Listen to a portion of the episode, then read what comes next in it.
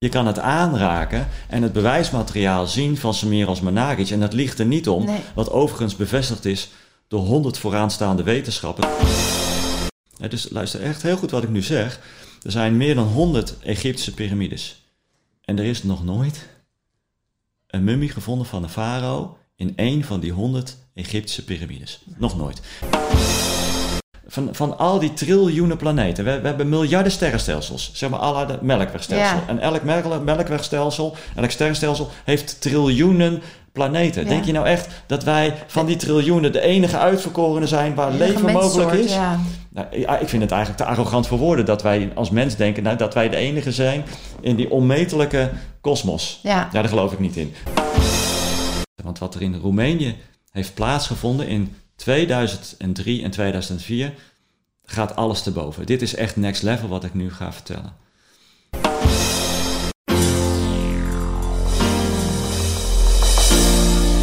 Welkom.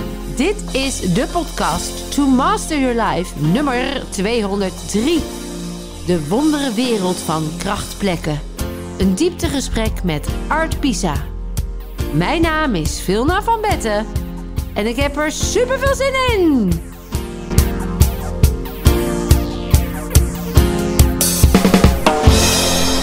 Ja, lieve dames en mensen, vandaag zit ik met iemand die ik al heel lang geleden heb ontmoet. Die ontzettend geïnteresseerd is en heel veel weet over alle grote uh, ancient mystery buildings, zou ik het maar even willen zeggen.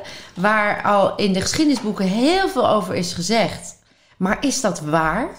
En wat betekent dat? Daar weet deze meneer alles over. Ik heb hem ontmoet toen ik zelf voor de podcastopname bij Tim Douwsma zat. Jij kwam toen binnen. Ja, ik kwam binnen. Ja. En uh, we hadden gelijk een leuk gesprekje Zeker. over uh, de grootste, oudste piramide die nu uh, nog niet zo heel lang geleden is ontdekt. Klopt, in, ja. Visoko. Ja, Visoko, Bosnië. Visoko. Ja. En Art, Art Pisa. Dankjewel voor de uitnodiging, Vilna. Ja, ja, het is er eindelijk zover gekomen, want je hebt zo'n drukke agenda. Dat er even wat maanden ertussen heeft gezeten. Ja, en we wonen niet naast elkaar. Ook dat. Dus dat was even een uitdaging. Ja. Maar door al jouw werk en je mooie lezingen reis je veel met de camper. En deze konden we nu combineren. Ik, zeg was maar. nu, ik ben op de fiets vandaag. Ja, Ja, zo dichtbij zit ik. Fantastisch. Um, Art, wij raakten toen aan de praat. Uh, ik weet nog heel goed. Jij, uh, jij kwam bij Tim voor een interview en jij vertelde dat je het onder andere daarover ging hebben. En ik zei, nou, dat kan geen toeval zijn, want ik ga daar in mei met mijn vader naartoe. En uh, oh, zei je, nou, ik ben heel benieuwd. Nou, ik kan je vertellen, Art. Ja, vertel. Ik ben teruggekomen en ik was zo in verwondering en in, in een soort bliss Ja.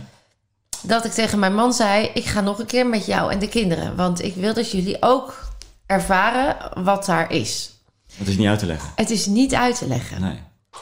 En uh, dat hebben we dus inmiddels gedaan. We zijn nu net uh, een maandje weer terug. Oh, wauw. Dus we zijn weer geweest. En vertel. Ja, nou laten we even de mensen die helemaal niet weten waar het over Ja. gaat meenemen. Want wat de hel is dat dan? Ja. En wat gebeurt er? Nou, misschien kun jij dat beter vertellen. Uh, want het is de, de, de, oudste piramide tot nu toe, die we, waarvan we weten dat die bestaat. Ja. Vertel jij heel, heel even kort. ja. Wat? In 2005 heeft Semir Osmanagic, dat is een Bosnier, en die komt van goede huizen. Zijn vader was minister. Um, het is ook een slimme man, uh, afgestudeerd in de Maya-cultuur. Daar is zijn scriptie ook over geschreven. Die ontdekte uh, in het plaatsje Visoko, ontdekte die in een vallei meerdere bouwwerken. Onder andere vier piramides. Maar de grootste piramide is 360 meter hoog. Alleen de natuur neemt het op een gegeven moment over. En dat gebeurt al in 200 jaar. Dus deze piramide ziet er niet uit als een piramide, want hij is groen. Maar van afstand zie je wel een behoorlijke symmetrie. Ja. Alleen niemand heeft ooit kunnen bedenken dat er onder die aarde en die bossages, dus onder dat groen, dat daar een hele grote piramide verscholen gaat. En Semiros Managic, die weet als geen ander door zijn ervaring en onderzoek in Mexico bij de Maya-pyramides, dat als je symmetrie ziet in de natuur, dat daar mensenhanden ooit bezig zijn geweest, want de natuur laat nooit iets symmetrisch achter. Dat doet de natuur namelijk niet. En hij is daar gaan graven. Hij heeft wel eerst zelf grond moeten kopen om te kunnen graven, want hij kreeg natuurlijk geen toestemming. Nee. En toen stuitte hij op een tweelaagse betonnen dekstenen. Ja. En ja, je weet niet wat je ziet. Dat zijn allemaal rechthoekige eh, betonnen stenen die door iemand is, blokken, door iemand is gemaakt. Want beton maakt de natuur niet zelf. Nee. En, en die liggen daar in twee lagen opgestapeld van eh, onder tot boven op vier zijden. Ja. En om dat te kunnen maken, is er een tunnelsysteem ontstaan in die vallei. Want je hebt grondstoffen nodig om nou ja, een piramide van 360 meter hoog in twee lagen te bedekken door beton. Heb je natuurlijk heel veel grondstoffen voor nodig, eh, zand, steen en kiezels. Ja. En daardoor is er een tunnelsysteem ontstaan. En er zijn nu mm, ja, zeker vier eh, piramides ontdekt. De piramide van de, van de maan, Ja. dat is een trappyramide van 190 meter hoog. Ja. De grootste piramide is de piramide van de zon, is 360 meter hoog. Je hebt de piramide van de draak, de piramide van de liefde. Je hebt een tempel van moeder aarde en nog heel veel andere megalithische bouwwerken. Dus het is een vallei van de Bosnische piramides ontdekt in 2005. Ja. En dan moet je even weten dat als je daar aankomt, het is wel grappig, want de vlucht alleen is al, is al interessant. Eh, want het laatste stuk is met zo'n prop. Hadden wij dan, ik weet niet of jij dat ook had. Maar ik ben met de auto gegaan Oh, gaat met en, de en auto. met de camper. Oh ja, wij zijn dan met, eh, met de vliegtuig gaan. Dan ga je met een propellervliegtuigje dat laatste uur. Ga je dan zeg maar daar naartoe. Want het ligt natuurlijk best een beetje afgelegen. Ja, En dan eh, kom je gewoon in een heel erg heuvellandschap. Hè? Dus het, is, het is niet zo dat er ineens een symmetrisch eh, groen eh, heuvel of zo staat. Het zijn inderdaad allemaal bergen, heuvels. Ja, ja. En als je niet oplettend bent, denk je, nou, dit is just another mountain. Hè? Dit of is een een heuvel. groene heuvel, Dit is ja. een groene heuvel. En inderdaad, als je verder kijkt en goed kijkt, dan zie je inderdaad dat het hartstikke symmetrisch is. Ja. En dat daar natuurlijk, wat dat is super scherp waargenomen. ja.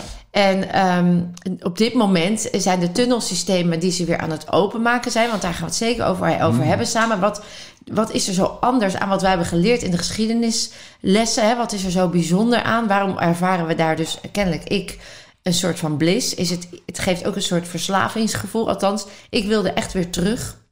Niet iedereen heeft dat hoor, maar ik had dat persoonlijk wel. Dus iets in mij is daar, heeft, voelt daar een connectie. En, ehm, en waarom zijn die dan gebouwd? En, en out of all daar ook. Hè? Dus het Ja. is heel interessant om, eh, om te zien. Daaromheen ligt een dorp. Het is met name een islamitische eh, cultuur. Er is natuurlijk vreselijke oorlog heeft daar gewoed Ja. tot eh, 1995. Daar zie je ook nog echt de restanten van de ellende. Ehm, ik zeg altijd, we gaan letterlijk terug in de tijd, zo'n 30 jaar. Hè. De, eh, het is allemaal nog vrij veel met contant betalen. Mensen roken nog in de restaurants. Ja. Heel veel roken. Iedereen Ja, rookt. iedereen dus rookt het is daar. echt waar wegroken. Hè. De ellende achter een rookgordijn wegzetten. Ja. Ehm, ze gaan per 1 januari dat trouwens veranderen. Dan gaan de restaurants mogen niet meer... Oh, eh, eindelijk. Ja, eindelijk. eindelijk. Eh, dat werd in ieder geval gezegd. Ik ben benieuwd. Ehm, dus er zijn heel veel... Het is een, het is een eenvoudig dorp eh, of stadje. Het is een, het is een stil stadje. Dus het is eigenlijk nog ja, best wel primitief. Ja. En waarom zijn daar dan die piramides gebouwd? En als we dan terugkijken in de tijd, en dan hebben we hoeveel jaar, 12.500 jaar geleden ongeveer de, de apocalyps gehad. Hoe lang is dat ja, geleden? dat, is, eh, dat was 11.600... Nee, sorry, 12.800 jaar geleden Ja. was die Ancient Apocalypse in de vorm van die kometeninslag. En Ja. dat noemen we de jonge Dryas.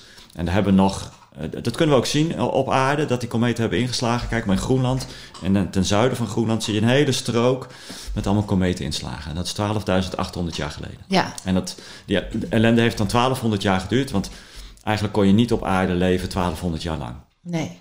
En eh 1200 jaar lang was het ook donker, Ja. mistig. eh, de- Er was eigenlijk gewoon niet te leven. En eh, alle oude bouwwerken daarna, die, die gevonden zijn, eh, zijn van ongeveer rond die tijd daarna, zeg maar, Ja. gebouwd. Dat is in de mooie documentaire The Ancient Apocalypse ook goed eh, beschreven door Graham eh, Hancock. Hancock. Ja, Die echt al die bouwwerken en die verbindt dat aan elkaar. Echt een aanrader om te kijken. zeker. Deze piramide is, zeggen ze, 34.000 jaar Ja, oud. voor die Ancient Apocalypse. Dat Ja. vind ik toch boeiend? Ja, Want dat betekent dat er dus al eerder een beschaving is geweest... die dit soort megalithische bouwwerken maakt. ja, maar er zijn nog veel meer plekken op aarde die ouder zijn dan die Ancient Apocalypse, van voor de Ancient Apocalypse. En kun jij wat En, en in mijn lezing eh, heb ik er zo al zes kan ik aanduiden. Dat is een grote platformpyramide in de Indonesië, eh Gunung Padang. Oh ja, Ehm, daar spreekt Graham Hancock ook over. precies. We hebben ehm, in Bolivia en Peru heb je twee zonnekalenders.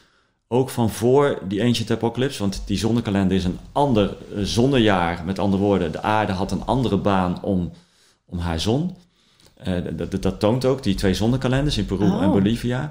Eh, we hebben de Sphinx, die ouder is dan die Ancient Apocalypse. Aha. Dat, wat niemand weet, maar daar kunnen we het straks wel even over Ja, hebben. Daar is keihard bewijs van. Ja, we hebben een, ehm, een piramide in Portugal, maar onder water van 18.000 voor Christus. En zo hebben we er nog meer. En hoe komt het nou dat we dat gewoon, los even van wat daar de betekenis van zou kunnen zijn, daar wil ik het graag met je over hebben. Dat we daar, wat, wat mij is geleerd, is dat de graftombes in Egypte, of de, de piramides van Egypte graftombes waren. Hè, waar dus Ja. belangrijke farao's werden begraven. En eh, daar gingen ze dan naar op bezoek. Of dat werden eh, voor de nagelaten offers enzovoort. Mhm. Blijken helemaal geen graven te zijn. Nee. Maar eigenlijk moeten we even nog wat verder terug. Hè? Dus eh, kijken naar wat ons is geleerd over het ontstaan van de mensheid. Ja, Hè, dus, eh, de, dus de evolutietheorie van Darwin, hè, de, de natuurlijke selectie. Kijk, daar is het eigenlijk misgegaan.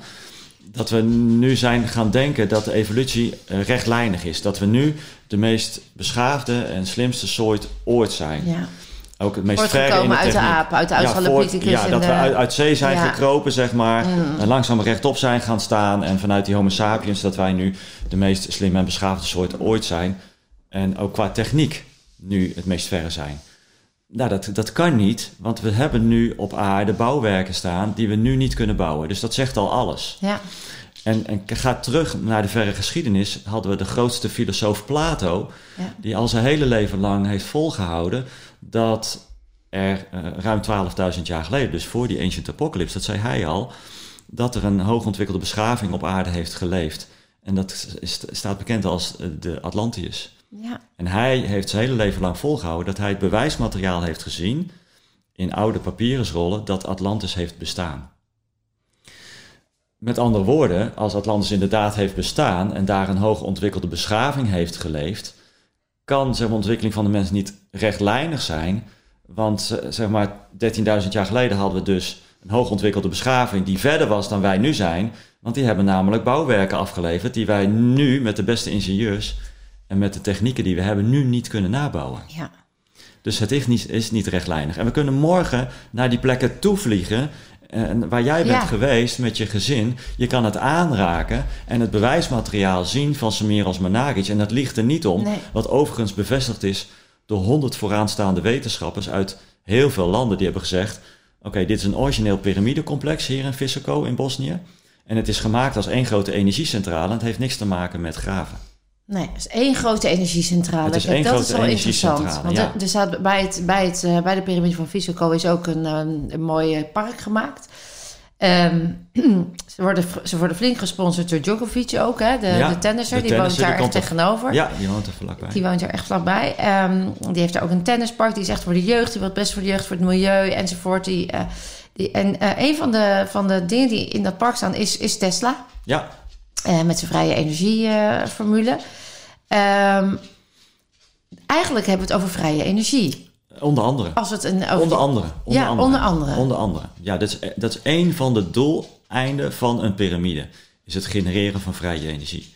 En dat kunnen we ook met onze moderne technologie. Je hebt daar speciale camera's voor, PIP-camera's. Mhm. Als je dan foto's maakt van de piramide, dan zie je dat er in een piramide, in elke piramide, want dat doet namelijk de vorm, dat is de heilige geometrie. Ja. En Plato had het er al over, de platonic forms, hè, dus de, de kubus, de driehoek, eh, de piramide. Ehm, dat zijn dus de heilige geometrie. Ja. En die hebben van nature al door de vorm genereren die een energie. Hè, want zet maar in je moestuin een piramide, waar Marijn Poels over praat Ja. zijn prachtige documentaire. Die heeft ook een piramide in zijn tuin gezet. Nou, en alles groeit en bloeit veel sterker. Ja. Dus dat doet de piramidevorm al. En dat kunnen we ook waarnemen door de moderne computertechnologie. En dan zie je dan dat het wordt opgebouwd in, in die piramidevorm. En dan komt uit de top van een piramide komt er een energiebeam. En dat is op, bij elke piramide is dat te meten.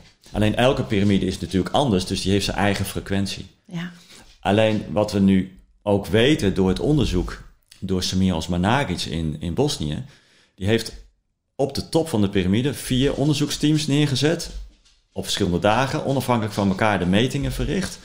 En hij kwam erachter dat er een link is met het, de, de ideeën, de ontdekking van Nikola Tesla op het gebied van scalar waves. Want hij ontdekte namelijk op die Bosnische piramide, die grote piramide, dat er meer energie vanuit de eten terugkwam dan dat hij de eten in had gezonden. Dus die, die piramide die zorgt ervoor dat er een hoeveelheid energie de eten in wordt geschoten.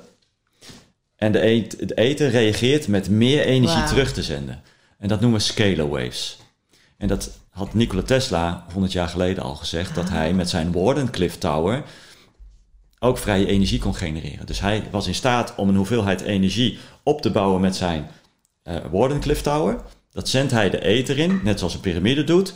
En de ether reageert, dus vader hemel reageert, Ja. door meer energie terug te sturen. Dus eigenlijk vrije energie.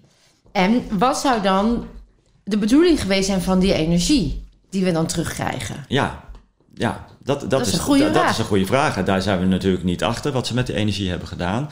Maar we weten wel dat eh, vanuit weer de, de Egyptische piramide, dat die koningskamer die daar is gesitueerd, hè, waarvan iedereen geleerd heeft dat dat de, de, de, de grafkamer is van een farao.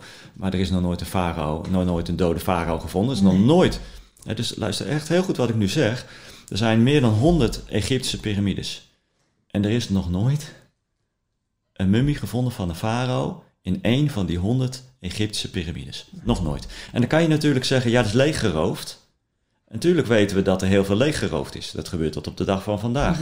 Maar de twee grootste koningen, die zijn echt wel gevonden. Het is niet zo dat de twee grootste koningen van Egypte nooit gevonden zijn. Zoals Cleopatra is nog nooit gevonden.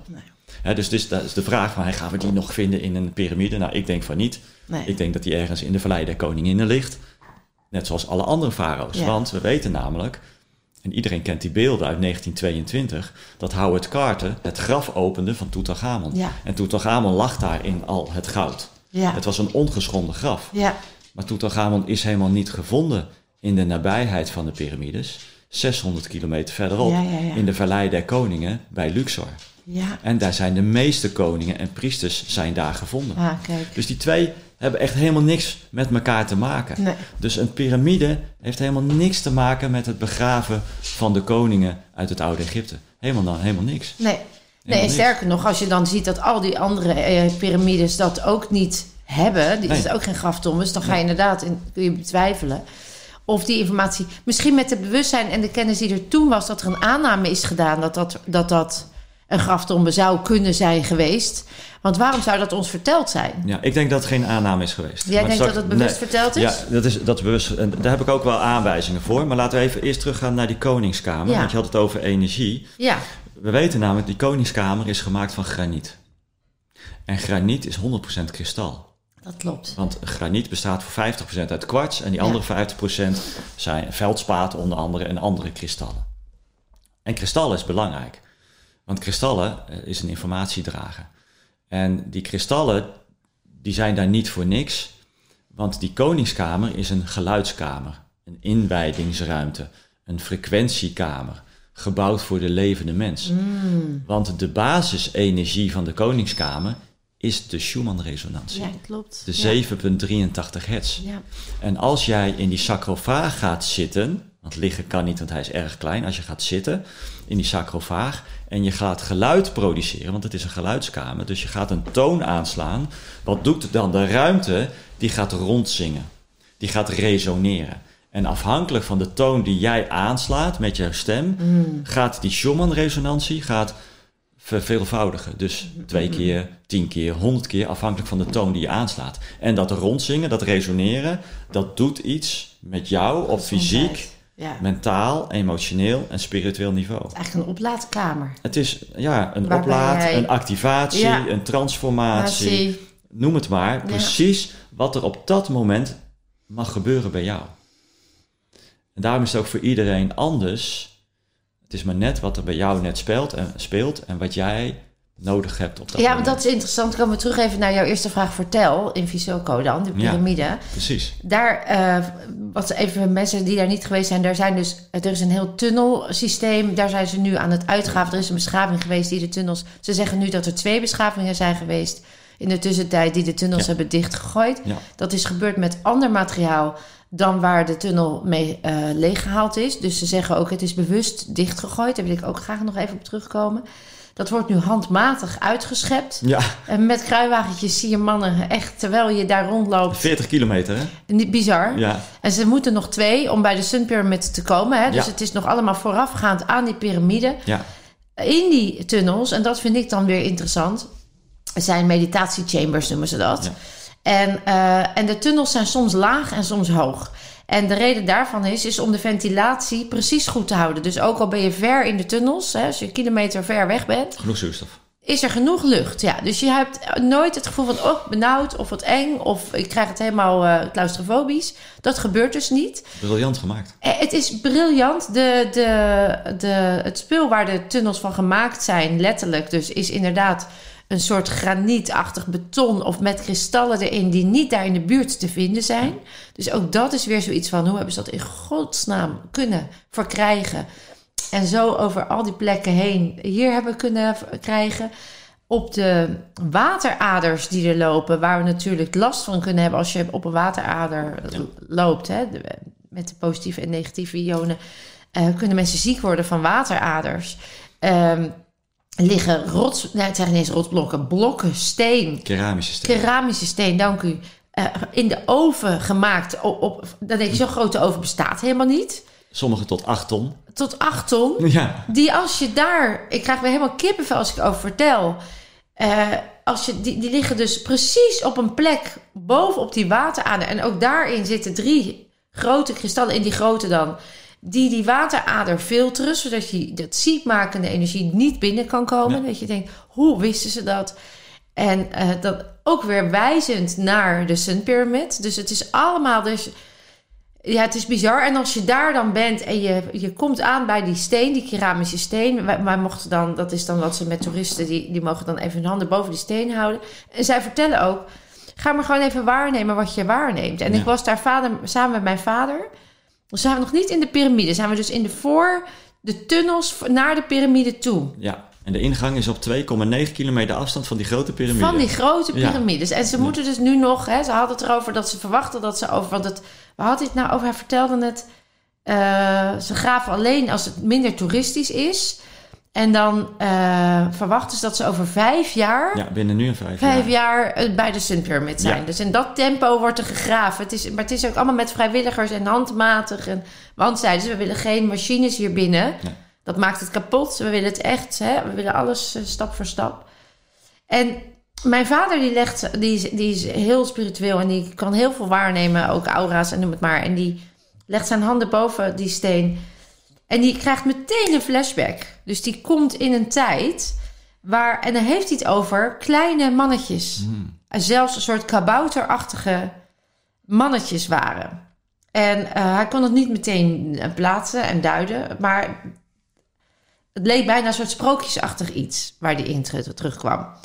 En verder kon die, wat- dat was het. Mm. En ik kreeg juist eh, toen ik daar boven, ik kreeg helemaal woe, bij mijn buik en mijn borst en, en eh, allemaal sensaties en ehm, eh, ja, van alles ging er door me heen. Geen gedachten, maar van alles door mijn lijf.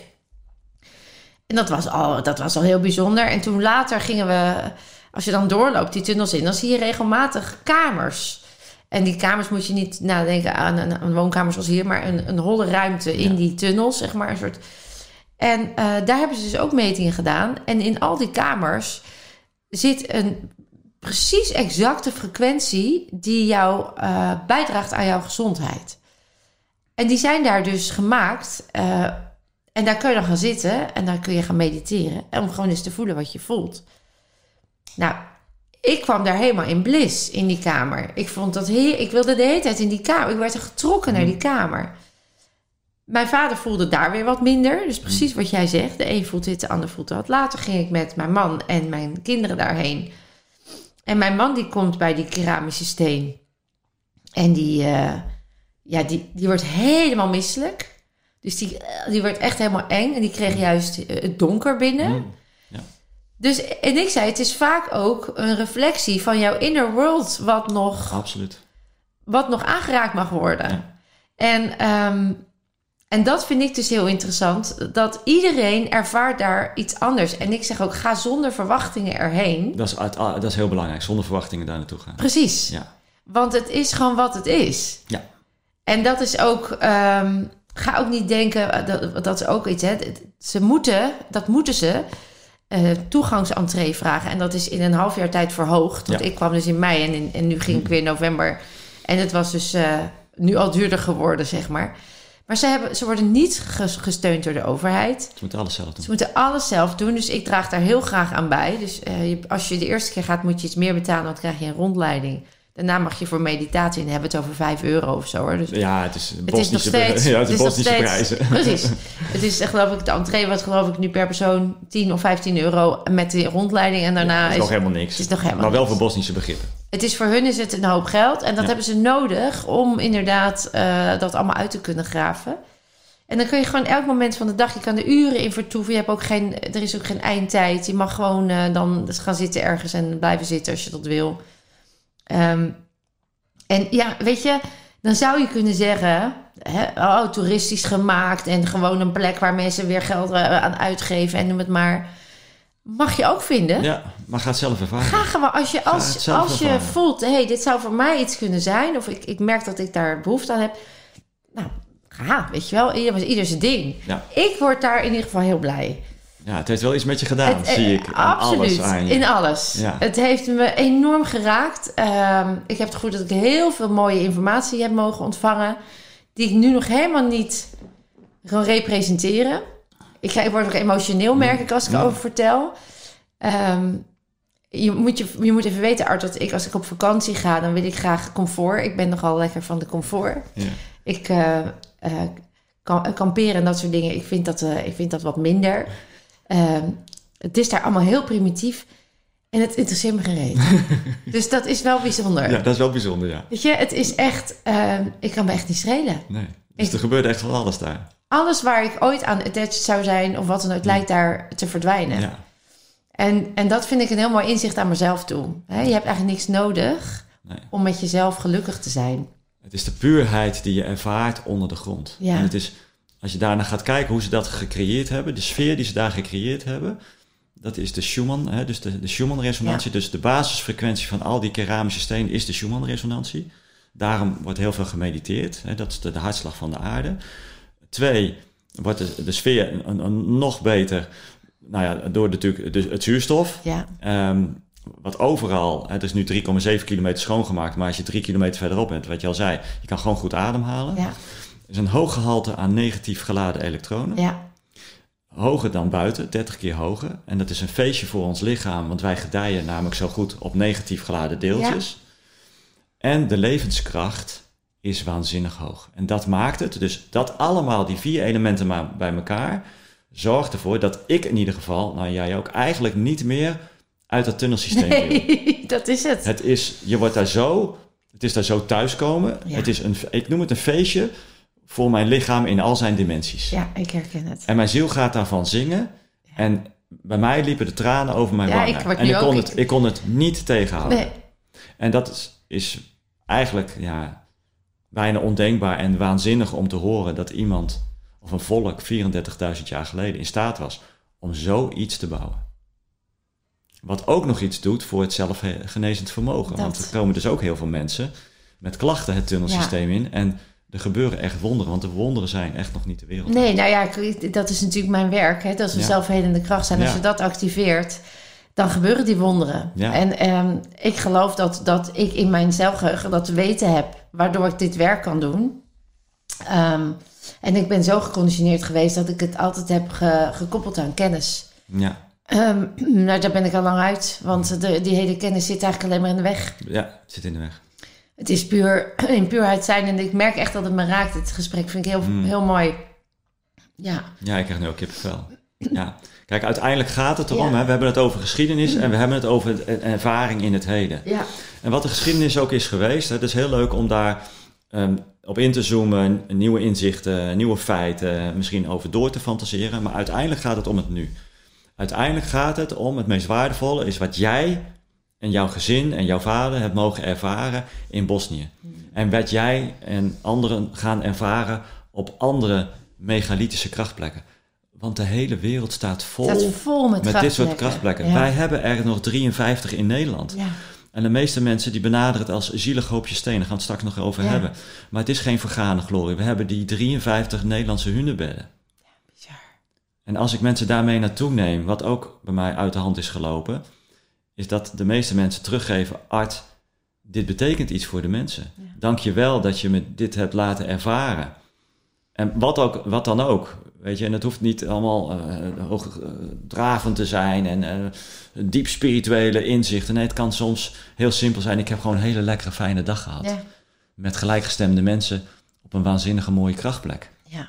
en alles wat daartussen zit. En uiteindelijk gaat het erom, wat betekent die krachtplekken voor jou? En die zijn er gewoon niet voor niks. Het kan niet anders dat de puurheid van de krachtplekken de puurheid van jezelf weerspiegelt. Ja, En als je dat toelaat en toestaat, dan kom je in bliss. ja, Op het moment dat je in de weerstand gaat, je vindt er wat van, ja. het moet bewezen worden, je moet het maar wegduwen. Dat houdt je weg van die bliss. Dat, dat is precies waar je jezelf nog belemmert. Dat Ja. is precies het punt waar jij nog jezelf, je eigen beperking bent. Ja, En dat, dat is, en dat is, als je er zo naar kan kijken, dan kan je het echt omarmen. En, Ja. en dan, wat je dan ook ervaart, is gewoon wat het is. Er is ook geen, dat is ook waardoor er geen woorden aan te geven nee, zijn. klopt. Ja. En, en wat ik zo mooi vond aan die, aan die tunnelsystemen. En ik heb ook weer eh, natuurlijk Henk ook gekeken. En ik heb het boek Geer van Geert Kimpen. Ken je waarschijnlijk ook Ja, Maria Magdalene, Magdalene, Aman. ja. Het is echt... Ik krijg weer... Ik heb wel als ik het vertel. Ik heb hem pas in de podcast gehad. Het is...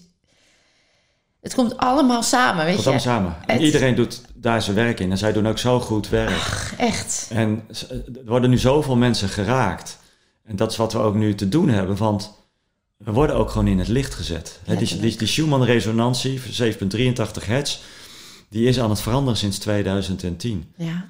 En doordat die Schumann-resonantie aan het veranderen is, komen we in een hogere trillingsfrequentie. En we kunnen daar alleen maar in be- meebewegen. Want gaan we daar niet in meebewegen, we meebewegen, dan gaan we deze aarde verlaten. Want die Ja. aarde gaat wel verder. Ja. Die aarde is een nieuwe balans aan het vinden in dat toenemende licht. En nou dat- zeg je iets essentieels, hè?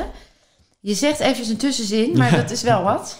Doordat de Schumann-resonantie aan het veranderen is... Hè, en Anton Teube, we hebben ook hier in de podcast gehad... die weet daar ook alles van... ja, Ehm, kunnen wij niet anders dan... We worden meegezogen, gezogen, dat is de wet van de communicerende vaten.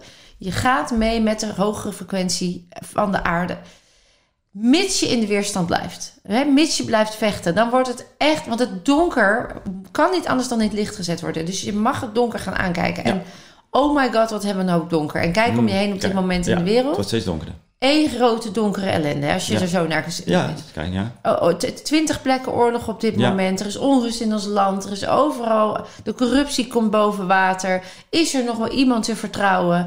Kunnen we nog wel op systemen bouwen? Nou, het blijkt van niet. Blijkbaar niet. Nee. Dus waar kun je alleen nog op vertrouwen? Op jezelf. Ja. Dus we moeten terug naar En binnen op elkaar. en op elkaar. Oh, de gelijkgestemden. Ja. En daar, eerst begint dat bij jezelf. Dus dat licht wat geschenen wordt op het donker daarbuiten... weerspiegel is de reflectie van het licht op je eigen donker. Als jij nog. Ja, mooi gezegd. dus wat jij nog daarbuiten ziet... is nog wat jij jezelf hebt te doen. Ja. En op het moment dat je dan in vertrouwen komt en in licht... dan wordt er letterlijk ook daarbuiten alles lichter. Ja. En wij zijn een... Wij manifesteren wat we daarbuiten hebben materieel. Dus als ik in mezelf het licht vind, dan zal ik dat uitstralen, dan zal ik dat gaan neerzetten en dan zal ook mijn omgeving lichter worden. Ja. En dan kan het niet anders dat de wereld als lichter en mooier wordt ervaren. Wij zijn de scheppingskracht. Ja. En als we op dat moment, als we dat gaan inzien, dat we nog aan het vechten zijn tegen dat donker, want dat is ook zo mooi. eh, wat jij zei, want daarom die tussenzin, dan zul je de aarde verlaten. Ja. Want je kan dan niet meer mee in de nieuwere vorm die gaat ontstaan. Nee. Daar heb ik twee vragen over. Ja. Bedoel je met verlaten fysiek doodgaan? En twee, hoe zou die nieuwere vorm voor jouw gevoel eruit zien? Ja. ja, ik denk dat je echt fysiek de aarde gaat verlaten. Ja. Waarom denk je dat er nu zoveel ziektes zijn? Ja. Omdat heel veel mensen dit niet aankunnen. A, kunnen ze de waarheid niet aan. De waarheid in zichzelf dus niet. de waarheid in zichzelf. En ze kunnen gewoon in dit leven, kunnen ze niet die stap zetten om zeg maar die shit in zichzelf op te lossen. Heel veel mensen kunnen dat gewoon niet. Mhm. Ja, dat- weet je, dat, dat, is- dat is moeilijk, want ja, dus, er zal ook in onze nabije omgeving zullen er mensen eh, ja, sterven. Ja, dat is, dat is heftig. Maar kijk om je heen wat er nu gebeurt. En dat komt steeds dichterbij. Want zeg je dan eigenlijk dat als je de shit oplost, dan, ga, dan wordt je frequentie hoger? Dan wordt je frequentie hoger. Ja. Ja, Ja. ja. dat, dat, dat is Want elke ziekte ontstaat in de energie. Hè? Dat hebben die Chinezen zeggen dat al 4.000, 5.000 jaar. Dat eh, een fysieke klacht en, en, en, en, ziektes ontstaan vanuit een disbalans vanuit de energie. Mhm. Mhm, Daar gaat mijn boek over. En dat, ga- ja, dat weet ik. Dus ja, is- dus dat wij zijn precies- daarom, eh, Ja. ja, Het is gewoon raakt logisch. het zo op Ja, elkaar. het raakt enorm. Hè, en, en, en, en, en is ons eh, werk zo overeenkomstig. Want uiteindelijk is dit waar het om gaat. Dit is waar het om gaat. Ik durf te beweren dat de nieuwe medische wetenschap energetische geneeskunde gaat zijn. Ja, ik, ik noem het frequentie. De, de, de, de- toekomst van de eh, geneeskunde is frequentietherapie. Ja, toch? Ja, alleen we, tuurlijk, maar dan zitten we ook altijd weer aan de achterkant. Maar we moeten ook de verschuiving maken naar de voorkant. Want ehm, ja, we moeten gaan werken aan preventie. Ja, zeker. Maar goed, dat is geen verdienmodel. Dus daarom moeten we ook uit het systeem. Want anders gaan we nooit de verschuiving maken naar de voorkant, naar ziektepreventie en het werken aan, eh, nou ja, aan je versterking van je immuunsysteem. Ja, En kijken naar jouw leefstijlfactoren en verantwoordelijkheid nemen voor je eigen leefstijl. voor je emoties. Ja, voor je emoties. Daar vooral. Ja, want kijk naar de ellende in de, in de wereld. Hè. Dat zien we in de coronatijd. Veel meer drugsgebruik, veel meer drankgebruik. Maar dat komt omdat mensen een mentale en emotionele klap hebben gekregen. Ja, en wat ga je dan doen? Ga je die mist, dan ga je vluchten, gaat de mistgordijnen optrekken. Nou ja, Verdoven, verdoven. onderdrukken. Ja, Omdat we niet geleerd zijn in onze conditioneringen meer om emoties te herkennen, erkennen en te handelen. we hebben dat niet geleerd. Nee, we hebben het gewoon niet geleerd. Als ik dan, ik zit daar wel eens over door te filosoferen met mezelf. Weet je? Mhm. Dan denk ik, oké, energie, alles wat lagere frequentie heeft, heeft een vastere vorm. Hogere frequentie heeft een lichtere vorm.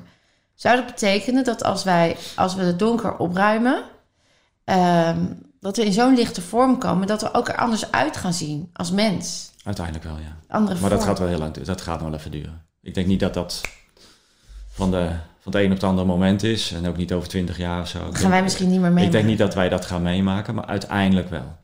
En heeft dus ook te maken met de evolutie. En de Ja. evolutie is natuurlijk gelinkt aan het licht. Dus we worden dan ook letterlijk lichter. Lichter. Ja. Want ik zat te denken, er is, een, er is nu een mooie documentaire dat heet eh, volgens mij Cave Bones. Mhm. Weet je of je dat al hebt, Ja. hebt gezien? Van, eh, van een menssoort dat nog nooit eerder ontdekt was. Heb Weet jij nog hoe dat, die menssoort heet? Nee, ik weet niet hoe Eh, de mensen heet. Nee. God. Maar goed, ze hebben dus nu ontdekt dat er dus een menssoort is die, die waarschijnlijk veel langer was en veel dunner. En, die, dat, dat, en, en ook in een tijd leefde waar er zogenaamd geen beschaving was. Maar als zij noemen dan beschaving, linken ze aan het feit dat er rituelen zijn voor afscheid. Want dan is er dus connectie, dan is er verbinding en dan is er dus een afscheidsritueel. Eh, en dat, dat wordt dan gelinkt aan een soort mensachtige, zeg maar. Want andere diersoorten hebben dat niet Nee. met dat afscheid. Nee, En- dit hebben we niet. en ehm, deze mensen die, die dan gevonden zijn, die hebben hele aparte botten. Ehm, en die hebben, ze hebben dan graven daarvan ontdekt. En dat is ook een hele rare... Die moesten eerst, om, om iemand te begraven, moesten ze een helse grot door. En dan heel dun stuk waar je eigenlijk amper doorheen kon. En dan werden ze helemaal door een soort sluis naar beneden gegooid. En daar werden ze dan ook nog helemaal begraven. Dus de levenden hebben echt een hel door moeten lopen om dat te doen. Dus dat geeft wel aan hoe belangrijk het was voor hun om ze te begraven. Maar die, als je dan die vorm ziet, hebben dat gereconstrueerd. Die vorm van die mensen, die was zo totaal lang en smal en een beetje Flexibel. flexibel Ja. en zo. ja. Ik denk, er is dus Veel minder dicht. veel minder Ja. dicht. En waarschijnlijk ook leefden ze van licht. Ja, En, en dat is wat je nu ook ziet, hè, dat ook eh, zo'n hele trend is dat heel veel mensen die, die, die, die willen. Goed, dat komt dan wel weer vaak voor uit ego. Want de- nou ja, eh, van licht leven moet kunnen en ik zal en ik moet dat kunnen. Maar dat is nog voor heel weinig mensen weggelegd. ja, En ik geloof echt wel dat het kan. ja, Maar in deze tijd denk ik dat maar echt voor heel weinig mensen weggelegd. Want je moet maar in die hoge energie continu blijven. In alles wat er om je heen gebeurt. De meeste mensen kunnen dat niet. nee, met alle en dan media, is het ook, en dan is het ook niet meer gezond Nee. om dat te willen. En dan is het vaak vanuit de ego om dat juist Te moeten zo te, kunnen. te moeten kunnen Ja. en te willen. Terwijl de meeste mensen dat niet kunnen. En het gaat dan ten koste van je gezondheid. Ja, De meeste mensen hebben gewoon het voedsel nog nodig. Ja. Ik ook, trouwens. ja. En ik heb, ja, ik heb ook helemaal geen behoefte om die kant nog op te bewegen. Nee, nee, maar dat is het, hè. Dat op een gegeven moment gaat, als het gebeurt, dan zal het wel gaan organisch gaan. Ja, ja. Maar ik denk wel dat het, Het gaat komen. Maar Ja. niet dat wij het gaan Omdat we bewuster worden van het, het, het vullen en niet meer voeden. We zijn ons aan het vullen in plaats van het voeden. En ik denk dat mensen steeds meer zelfbewust aan het zijn, aan het zijn worden van... oké, heb heb ik dat echt nodig? Hè? Ja. Dus heb ik mijn huis, heb ik al die spullen wel nodig? Er begint steeds meer een soort besef te komen dat de spullen niet vullen. En dat we daar denken, als we die ontwikkeling doormaken... dan zal dat vanzelf organisch ook wel ontstaan... dat we echt heel weinig nodig hebben Ja. om te zijn. Ja. En als we dan teruggaan in die tunnels, hè, de, een van de theorieën is, jij zegt ze hebben eh, materiaal nodig gehad om de, om de piramide te bouwen. Ja. Degene die ons gidste daar, die, bij de Sun Pyramid en de Moon Pyramid hebben we, bij de Moon Pyramid hebben we dan een gids gehad op de piramide zelf. Bij de Sun hebben we echt de tunnels eh, zijn we gegidst. En eh, hij vertelt ook dat ook de, de Moon Pyramid dus gemaakt is van een... nee, het was trouwens wel de Sun Pyramid waar we gegidst zijn op de Sun Pyramid. Eh, dat dat ehm, ook daar, dat, dat concrete, ook weer, dat, wordt, dat is nergens anders meer ge- gemaakt.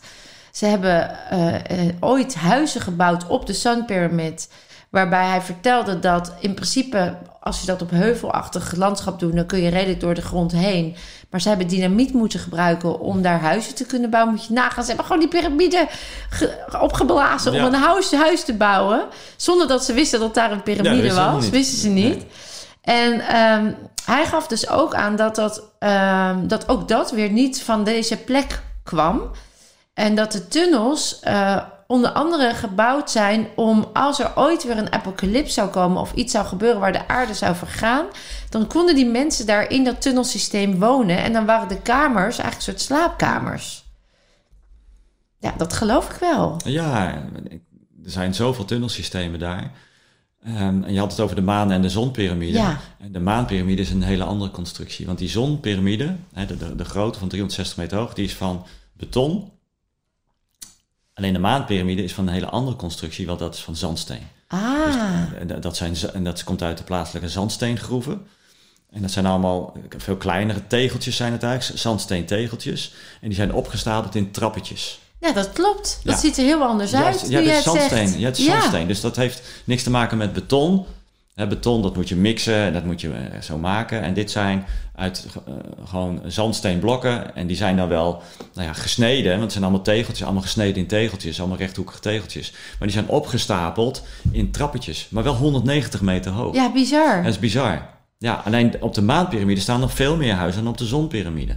En daarom is het ook zo moeilijk om de maanpyramide schoon te maken, want je bent zo afhankelijk van heel veel van die landeigenaren. Ja, en al die landeigenaren, we hebben er een paar gesproken, die zeggen gewoon: ik ga dat natuurlijk niet Nee, verkopen. Nee, precies. Die zien nu ook dus daar. ik denk dat dat ook nooit gaat gebeuren, dat die hele maanpyramide schoon wordt gemaakt. Nee. Eerder de zonpyramide, Ja. maar goed, dat is een hele klus, want die is Zo. 360 meter hoog. Ja, en die Dat vegetatie, nee, die vegetatie, Is- die lagen, Ja, dat is soms twee meter. is niet te doen. Nee, twee meter. Dat is echt bizar. En dan 360 meter hoog. ja. Ja, dat is En dan een overheid die het niet ondersteunt. Dus, dus ja. Ja, nee, nee, hangen en burger elke keer. Ja. Wat wel grappig is, op die maanpyramide ben jij ook boven op dat plateau natuurlijk ja, geweest. Ja, waar dat gat zit, hè. Waar dat gat zit. En die man, die, daar, die heeft daar een eh eetentje, Ja, ja, lunch, precies. Ja. hoe heet hij ook nog Dat doet hij heel goed. Ehm, ja, wij zijn er dus nu ook weer geweest, twee keer geweest. En toen kwam je Joan tegen daar. Ja, Ja. ja, wat weet je wat nou zo... Ja, precies. Ja, dat, ja. Dat is waar, want die kende jij weer. En Ja. zo, oh, hoe is het small world? Wij wisten dus niet, het wordt, dat is dus ook weer zo schattig daar. Het is toeristisch, eh, maar ook weer niet. Want nergens staat goed aangegeven Nee. waar dan de entree van die Moon Pyramid is. Nee, nee, dat is heel erg eh, apart. Je Echt? hebt echt een gids nodig om boven te komen. Ja. Via de juiste landeigenaar. Nou, en het, oh, oh, ik ga je daar verhaal over vertellen, Art. Wij gingen dus, de eerste keer was ik met mijn vader. En wij we hadden dus op Google Maps opgezocht de Moon Pyramid. En toen kwamen we ergens op een plek uit waar een heel oud Bosnisch mannetje woonde. Hij was 78. Hij kwam aanlopen. Er waren parkeerplekjes voor twee of drie auto's. Hij- jij bent er waarschijnlijk ook Ja, ik geweest. lekker, ja. Hij komt aanlopen. Hij zegt eh, in het Bosnisch, hij kan geen Engels, een beetje met handen en voeten van, nou, ik- I'll bring you up, weet je Ja, wel. ja. Ik dacht, nou, oké, prima. Ik, dus, en dan ook niet iets vragen, dus je moet hem dan iets geven. Ja, oké. Dus wij gaan lopen en op een gegeven moment zijn we zo'n 10 minuten verder. Die man, jongen, 78, die gaat toch die, die heuvel op. Niet normaal, dat doet hij natuurlijk dagelijks. En hij wil zo snel mogelijk weer terug om eventueel volgende toeristen op te halen. Want voor hem is dat gewoon natuurlijk business. En eh, geen tanden in zijn mond, weet je wel. En we zijn daar op een gegeven moment halverwege de piramide. En dan zegt hij, ja, verder ga ik niet. Want het is daar nat. Het was ook nat, eh, glipperig. Eh, er zijn dus geen paden aangelegd. Dus hij zegt, ja, zijn eigen risico is ongeveer drie kwartier omhoog. Ja. Maar dan ben je op de top. Nou, mijn vader die is inmiddels ook in de 70. Dus ik vraag, wil jij? Hij zegt, ja, we zijn nou halverwege. Hup, we, gaan. Nou, we hebben zo gelachen, want het werd inderdaad glibberde gelet en weet ik het wat. Maar we zijn op de top gekomen. Dus via dat glibberde geletsroutetje. En ik dacht wel, how the hell are we gonna come down, weet je ja, wel? precies. Ook weer glibberig dan ga je gewoon op je billen. Ja. Want het is echt wel stijl ook. En ook wel soms met, met afgronden, dat je, Mm. daar dat je langs wegjes loopt. denk. Ja. Nou goed, wij waren boven en we lopen daar. En eh er komen dus een groepje mensen tegen. ehm, met een gids, een Nederlandse gids. En hij vertelt van ja, dit is de krachtplek en dit is de krachtplek. En eh, hij zegt hierachter is een plateau. Blijkt dus dat er een autoweg naar dat plateau gaat, gewoon, weet je wel. Dat moet je dus net Dat weten. moet je dus weten. Staat nergens aangegeven. Goed, dus wij hebben daar geluncht. Onwijs leuk. Echt traditioneel Bosnisch. En hartstikke gezellig. Mooi uitzicht. Daar wil je echt even zitten. Heerlijke vibe enzovoort. Dus ik had tegen mijn, mijn man gezegd... daar gaan we natuurlijk nog een keer heen. Maar ik zeg, nu gaan we met de auto, weet je wel.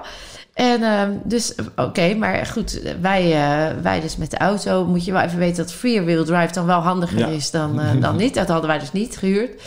En wij gaan dus naar boven. En op een gegeven moment kom je bij, bij, bijna bij het plateau, maar dan is er een splitsing. Eh, en wij pakken de linkerkant.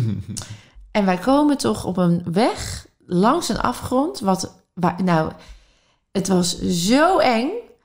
En we komen helemaal niet goed uit. En dan moet je nog terug. Ja, achteruit terug.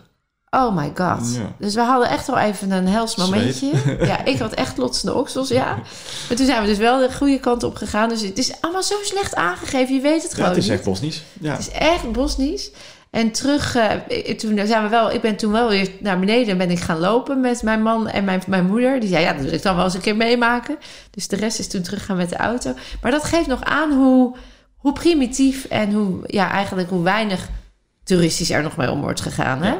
En aan de andere kant is het ook wel heel toeristisch, want het is voor mij bijna al 800.000 mensen of misschien wel 850.000 mensen zijn er al geweest hè, Ja, sinds ja. 2005. Ja, toch. Ja, dus het heeft nu wel een behoorlijke aantrekkingskracht. Maar ja, het wordt ook continu, Nu gezegd. eh, wordt het door heel veel mensen wordt het er verspreid.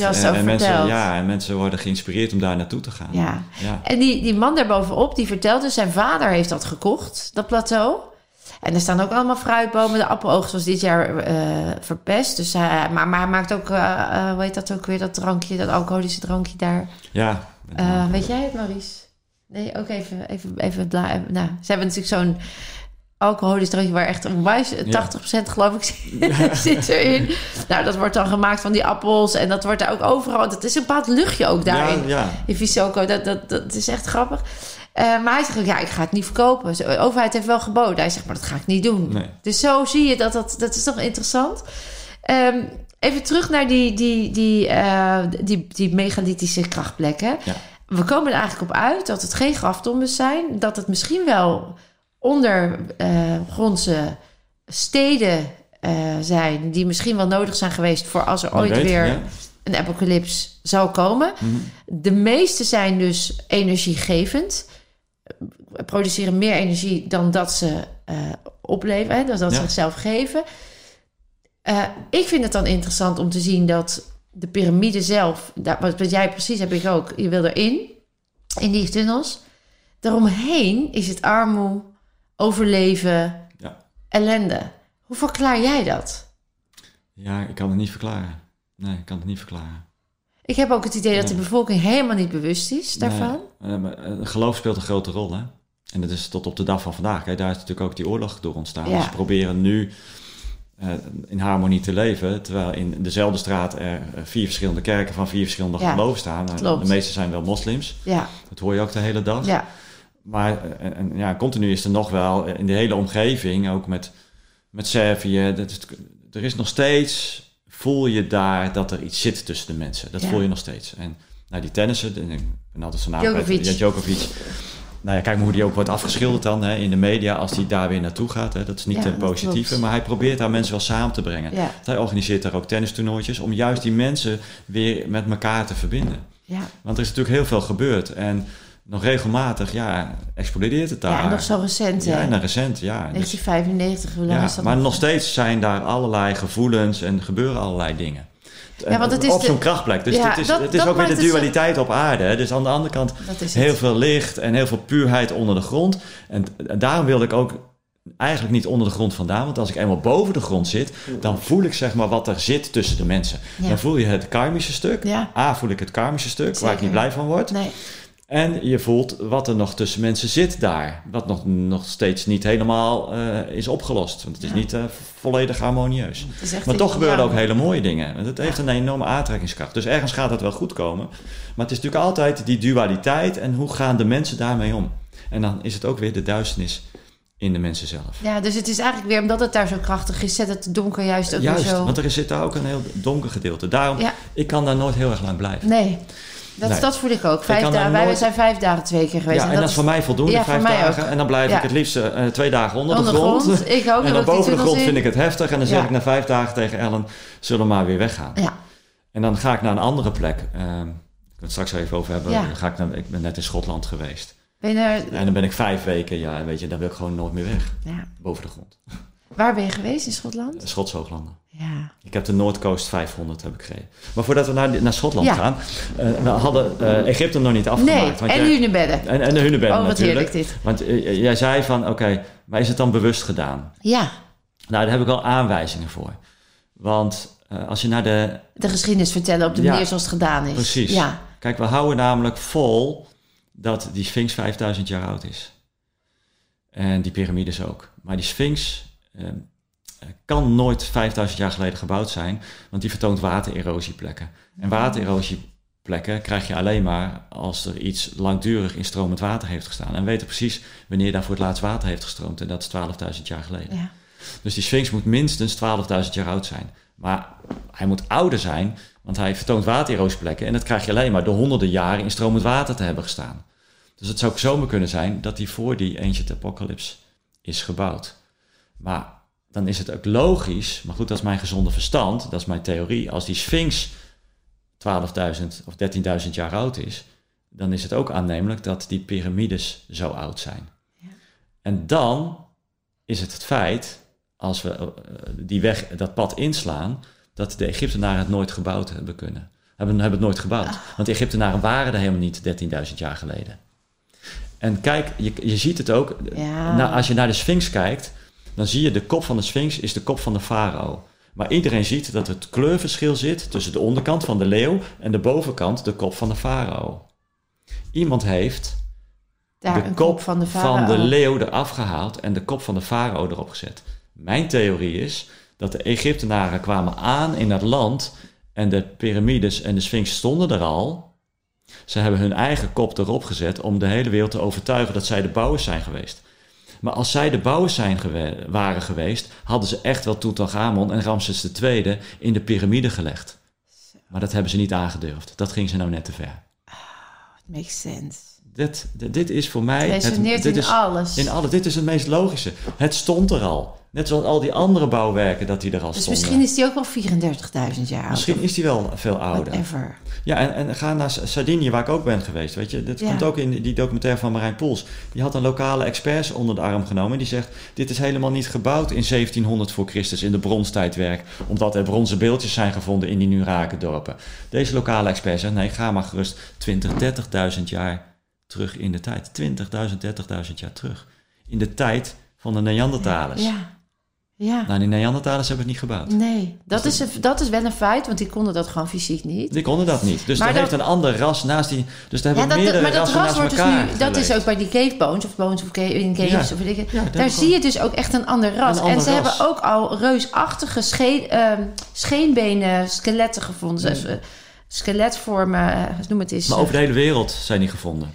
Ja, en, en van, Ja. van reusachtige. Ja. Ik En, kan me- andere, en andere schedels. Ja. Van die langwerpige ja, van die schedels. langwerpige schedels. Ja, waarvan iedereen denkt van ja, dat, dat moet zeg maar van de sterren gekomen zijn. Ja, maar dat kan dan toch niet anders dan Dat dat, we dat. waarom, waarom, waarom ontkennen we dat? Nou, om, het gaat namelijk over jou en mij en over de mensen die nu zitten te kijken. Het gaat namelijk uiteindelijk, wat ik elke keer vertel tijdens mijn lezing, over ons ware potentieel. Wie wij werkelijk zijn. Welke kracht er in ons schuilgaat. Wij zijn namelijk een geheel van de bron.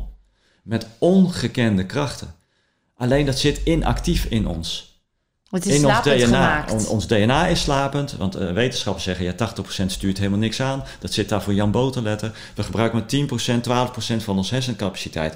Dus het meeste van wat wij zouden moeten kunnen, zit inactief. Er worden nu kinderen geboren, zoals die eh, Christina von Drijen, die Ja. wordt geboren met ongekende vermogens, Ja. die eh, nou ja, dingen kan laten bewegen, door deuren, deuren heen kan Ja. kijken. Nou, dat, dat zit allemaal in ons. Wij Ja, hebben allemaal Dat klopt. ongekende vermogens. Dat klopt. Alleen dat zit inactief in ons. Iemand heeft dat op inactief gezet. Net als dat Er is de tunnels dichtgegooid zijn. Net zoals dat de tunnels zijn dichtgegooid, omdat we waren er nog niet aan toe. Nu, omdat de Schumann-resonantie ho- omhoog gaat, we wel. omdat wij in het licht worden gezet, is het de gelegenheid om onszelf te activeren. En daar Nou- hebben we soms een hulpmiddel voor nodig, bijvoorbeeld krachtplekken of, of iets anders. Ja. Maar wij zijn in staat om dit weer te activeren. Nou ja, ik- en ik kan alleen maar zeggen, ik zie het natuurlijk elke keer weer in mijn retreats gebeuren. Hè? Dus het, is, het, de, het zijn voor mij geen wonderen meer. Het is voor mij al eerder gewoon normaal Ja, dat iemand die eh, compleet vastzit weer helemaal bevrijd kan zijn.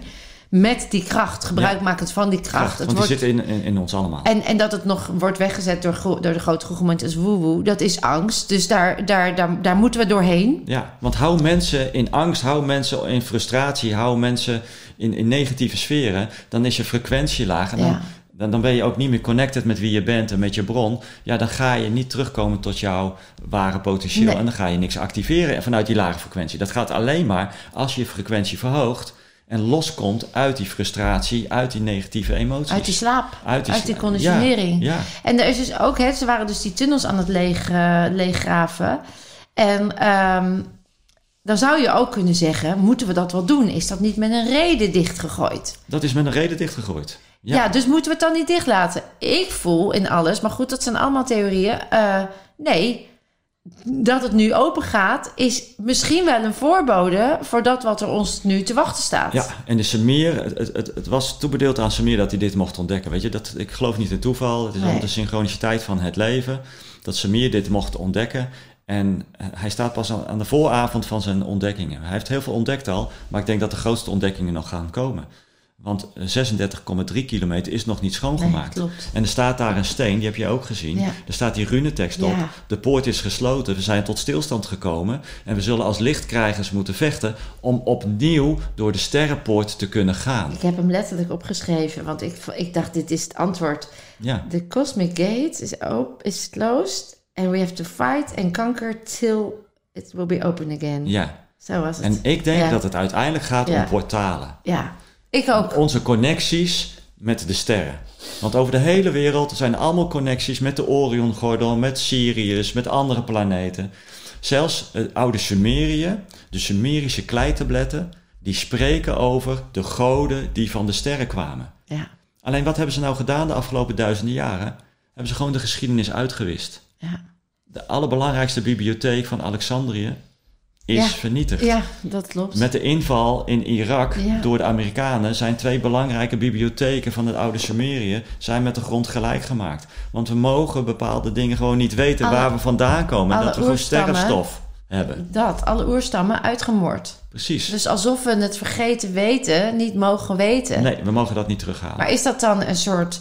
ehm, eh, wat, wat, ja, misschien moeten we het helemaal niet willen verklaren. Maar ik heb. Kijk, er zijn theorieën die zeggen. Er is een aura om de aarde geweest. Die was prachtig, die was licht. Toen is er een donkere aura gekomen. En nu, is dat, daar, daar zijn, eh, nu komt er weer een lichtaura. Dat is die verhoging van de Schumann. Waardoor donker licht wordt. Er zijn ook theorieën die zeggen. Er zijn aliens geweest op onze aarde. Die hebben het over willen nemen. Waardoor we dus allemaal. eh, dom gehouden zijn door de aliens, gehypnotiseerd. Heel veel van die aliens zijn nu aan het weggaan. Die hebben gezien dat het niet werkt, dus die gaan weer. Eh, dus we zijn weer in het licht. De anderen zeggen, ehm, we zijn, eh, wij zijn de, de, wij zijn, er is wel een soort hel en hemel. Er is een, een, een lichtplek, maar er is ook een donkere plek. En wij zitten hier in het donker om het allemaal uit te vechten. Hmm, ja. Nou ja, voor mij is het eigenlijk heel simpel. Ik kijk eh, gebaseerd gewoon op feiten wat we hebben gevonden in het fossiele bestand. Ja, Dus naast de Neandertalers hebben we heel veel nou ja, buitenaardse schedels gevonden. Ja. Dat is, daar is klip en klaar. Ja. Alleen die liggen niet in onze westerse musea. Dus het, we worden daar weg van gehouden. Ja. Maar ga morgen vlieg maar, naar wie, Paracas. maar door wie worden we dan daar weggehouden? Eh, Ja, geen idee wat er allemaal boven zit. En het dat. gaat, en het gaat veel verder dan zeg maar, de Rothschilds en de Rockefellers. Ja. Eh, dat gaat veel verder dan dat. Toch wel. Eh, en misschien heerst er nog wel iets onder de grond, weet je wel? Een, een ander ras, weet je wat? Nog probeert te overleven en, Mm. Eh, en zich schuilhaalt. Geen idee. Maar dat er buitenaardse rassen hebben geleefd. Maar je wordt altijd gelijk in zo'n hoek gezet. Oh, geloof jij in aliens? Ja, ik geloof in aliens. Ja. Denk je nou echt, van, van al die triljoenen planeten, we, we hebben miljarden sterrenstelsels, zeg maar alle de melkwegstelsel. Ja. En elk melk- melkwegstelsel, elk sterrenstelsel heeft triljoenen planeten. Ja. Denk je nou echt dat wij van die triljoenen de enige uitverkorenen zijn waar leven mogelijk is? Ja. Nou, ik vind het eigenlijk te arrogant voor woorden dat wij als mens denken nou, dat wij de enige zijn in die onmetelijke kosmos. Ja. Ja, daar geloof ik niet in. Maar Nee. we hebben het gewoon gevonden. Dus hoe je er ook over denkt, en iedereen mag daar iets van vinden en over denken, eh, met respect. Maar we hebben het gewoon gevonden. Ja. En het ligt gewoon in de Zuid-Amerikaanse eh, musea, ligt het gewoon tentoongesteld. Daar dus hebben- wel. Ja, daar dus wel. Maar in Nederland heeft het ook gelegen. Alleen het is gewoon weggehaald. Ik heb een ooggetuige die heeft gezien dat in eh, het museum van Roosendaal, Brabantse Roosendaal, heeft er twee reuzenskeletten gelegen. Die zijn In weggehaald. 1964. Nou ja. Luigi Muscas is de ooggetuige die daar een boek over heeft geschreven. Het staat in zijn boek op pagina 100. Lees het maar na.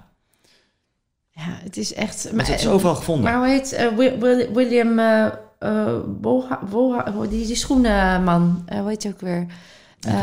Ja, die heeft ook al die boeken erover geschreven. Die is ook een Nederlander, een schoenen, schoenenhandelaar die, eh, die, die waren, droegen gouden schoenen. Hij wil dan weten of de eerste mensen ook schoenen Oh, dragen. ja, William, eh, Ja.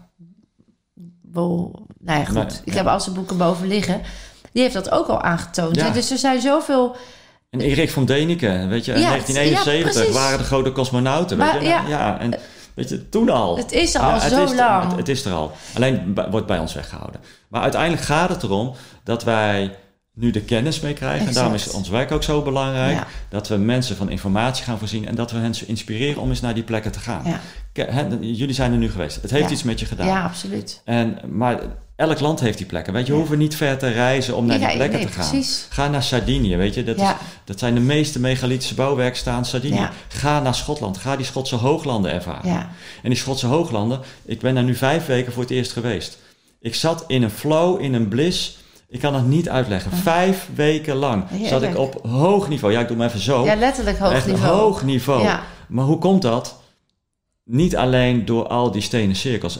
Belangrijk zijn die stenen cirkels. En Stonehenge is daar niks bij. Nee. Dus ik wil echt Ja, mensen want daar ben ik ook geweest. Ja, Daar had ik niet zo'n ervaring. ik ook niet. Helemaal niks oh, wat mee. grappig. Nee, ga naar de Calanes Stone Circle. Ga naar de Broadcast Stone Circle op de Schots- Schotse Hooglanden. Oké, je moet wel even met de boot nog een keertje, want je moet naar Lewis en Harris of naar de Orkney-eilanden. Daar staan de meest krachtige stenen cirkels van het Verenigd Koninkrijk. Maar ga ook gewoon naar, Cor- nou, gewoon naar Cornwall, Zuidwest-Engeland.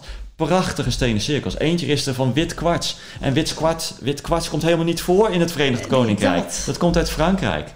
I love it. En als je daar naartoe gaat, ja, ik heb in 15 stenen cirkels gezeten. Ja, vind je het gek dat ik in, helemaal in balans was en helemaal hotel de botel terugkwam? Ja. Maar het komt ook door de mensen. Ja. Die Schotse, de Schotse hooglanden, de mensen, het is fantastisch. Het, het zijn de mensen, het is de muziek, het is de natuur, De sfeer. de pracht. Het is de hele, alles, die hele vibe van de Schotse hooglanden. Ik krijg nu kippenvel. Ja, wil ik zijn. wilde daar niet meer weg. Ja. En dan kom je weer terug in Edinburgh, ja, dan zakt alles weer weg. Want Ja. ja, dan, dan kom je weer in de commercie, in Ja. de drukte. En dan, ja, dan ga je verder Engeland in.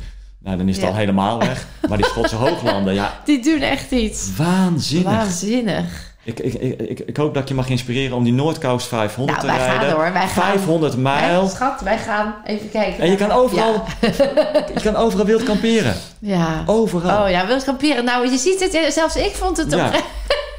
ik had altijd iets met kamperen dat ik dacht... Maar dat is ook een beetje dat... Die, ja, dat heb ik dan met zo'n met zo'n caravan of een tent op zo'n camping staan. Ja, dat is niet mijn ding. Maar dit is echt wel... Dit is zo gaaf om in die vibe te zijn gewoon. Dat, dat, dat valt alles gewoon weg. Dat kan boeien. Ja. Dan kom je echt terug bij basics, zeg maar. Dus I love it. Ja. Even naar... ehm, eh, nog eventjes over die... ehm eh, reuzen, kabouters, sprookjes. Ja. Ja, dat is natuurlijk altijd ons verteld, het zijn sprookjes. Maar ik begin nu wel een beetje te, te twijfelen daaraan. Oké, waar, van waar je nou, twijfelt? omdat, nou ja, mijn vader Vanwege kreeg- je vader? Nou, ook. Ik, Ja. ja. ik neem hem echt wel heel serieus in zijn waarnemingen. Ehm, Je zeker doen. ik denk, de, de, de, eh, als ik kijk wat er gebouwd is, denk ik, ja, dat is gewoon met hulp van, van rotsblokken, van, van reuzen geweest. Dat, voor mijn gevoel kan dat niet anders. Ik denk aan teleporteren. Eh, ik denk aan eh, dat ze dus. Hoe kan het dat op, alle, op zoveel verschillende plekken in de wereld, zonder internet, zonder mobiels, zonder communicatie, wat we nu hebben. Hoe konden ze weten van elkaar dat, dat er een apocalypse aan, eh, na de apocalypse dat ze dit moesten bouwen? En ook allemaal een soort gelijke gebouwen zijn gemaakt met dezelfde boodschap. Wel met andere taal, uh, hieroglyphen of wat dan ook, maar wel allemaal met dezelfde boodschap. Hoe wisten ze dat van elkaar? Ik denk dat er een beschaving was die dat gewoon met elkaar kon communiceren zonder dat ze daar naar elkaar moesten. It's just a fun. Maar dat zijn dingen die bij mij heel erg ja. opkomen. En ook dus dat er dus misschien wel inderdaad reusachtigen waren die gewoon heel snel in snel, snelle stappen ergens konden zijn. Ja, ja, ik vind dat dat een heerlijk onderwerp uh, om te praten over, over reuzen. En we kunnen daar heel duidelijk over zijn. Reuzenrassen hebben namelijk geleefd op aarde. Daar is voldoende bewijsmateriaal van. In mijn lezing geef ik een deel van het bewijsmateriaal. Uh, alleen we worden ook weer daar continu ook op het internet op verkeerde been gezet. Want het meeste wat je ziet op internet is fake. Ja. Ik heb een prachtige foto uit Roemenië. Roemenië is een heel belangrijk, een belangrijk land. En we kennen dat land eigenlijk maar heel weinig. Het, mhm. het, is niet zo dat we op vakantie gaan naar Roemenië of zo. We weten heel weinig van dat land. Uh, Roemenië is een belangrijke vindplaats van reuzenskeletten. Ik heb een foto, die laat ik zien tijdens mijn lezing. Een originele foto van een reus van 10 meter. Het is ondenkbaar. Bijna ondenkbaar, maar het is niet ondenkbaar. Want die is echt gevonden in 1976 van 10 meter. En ze hebben honderden reuzenskeletten gevonden. Net zoals op het Italiaanse eiland Sardinië zijn er honderden reuzenskeletten gevonden. Dat is allemaal goed gedocumenteerd. Uh, Hugh Newman heeft het goed gedocumenteerd. Uh, het Smithsonian Instituut, het gerenommeerde Smithsonian Instituut in Amerika, is op haar vingers getikt in 2014 dat zij rond het jaar 1900 duizenden reuzenskeletten hebben vernietigd. Dus het bewijs is er. Maar Roemenië is een belangrijk land en ik wil uh, misschien wel ook een beetje aan het einde van deze podcast nog even Roemenië in het voetlicht zetten. Want wat er in Roemenië heeft plaatsgevonden in 2003 en 2004 gaat alles te boven. Dit is echt next level wat ik nu ga vertellen. En ik heb ook nieuwe info, want er is recentelijk iemand geweest, dank je eh, nog dat je er bent geweest, twee weken geleden in Roemenië. Want in 2003 hebben ze daar een buitenaardse technologie gevonden in een open ruimte onder de grond in het Buseki-gebergte. En het Buseki-gebergte, ja, daar komt bijna niemand. Ja, af en toe wat, wat hikers, weinig toeristen.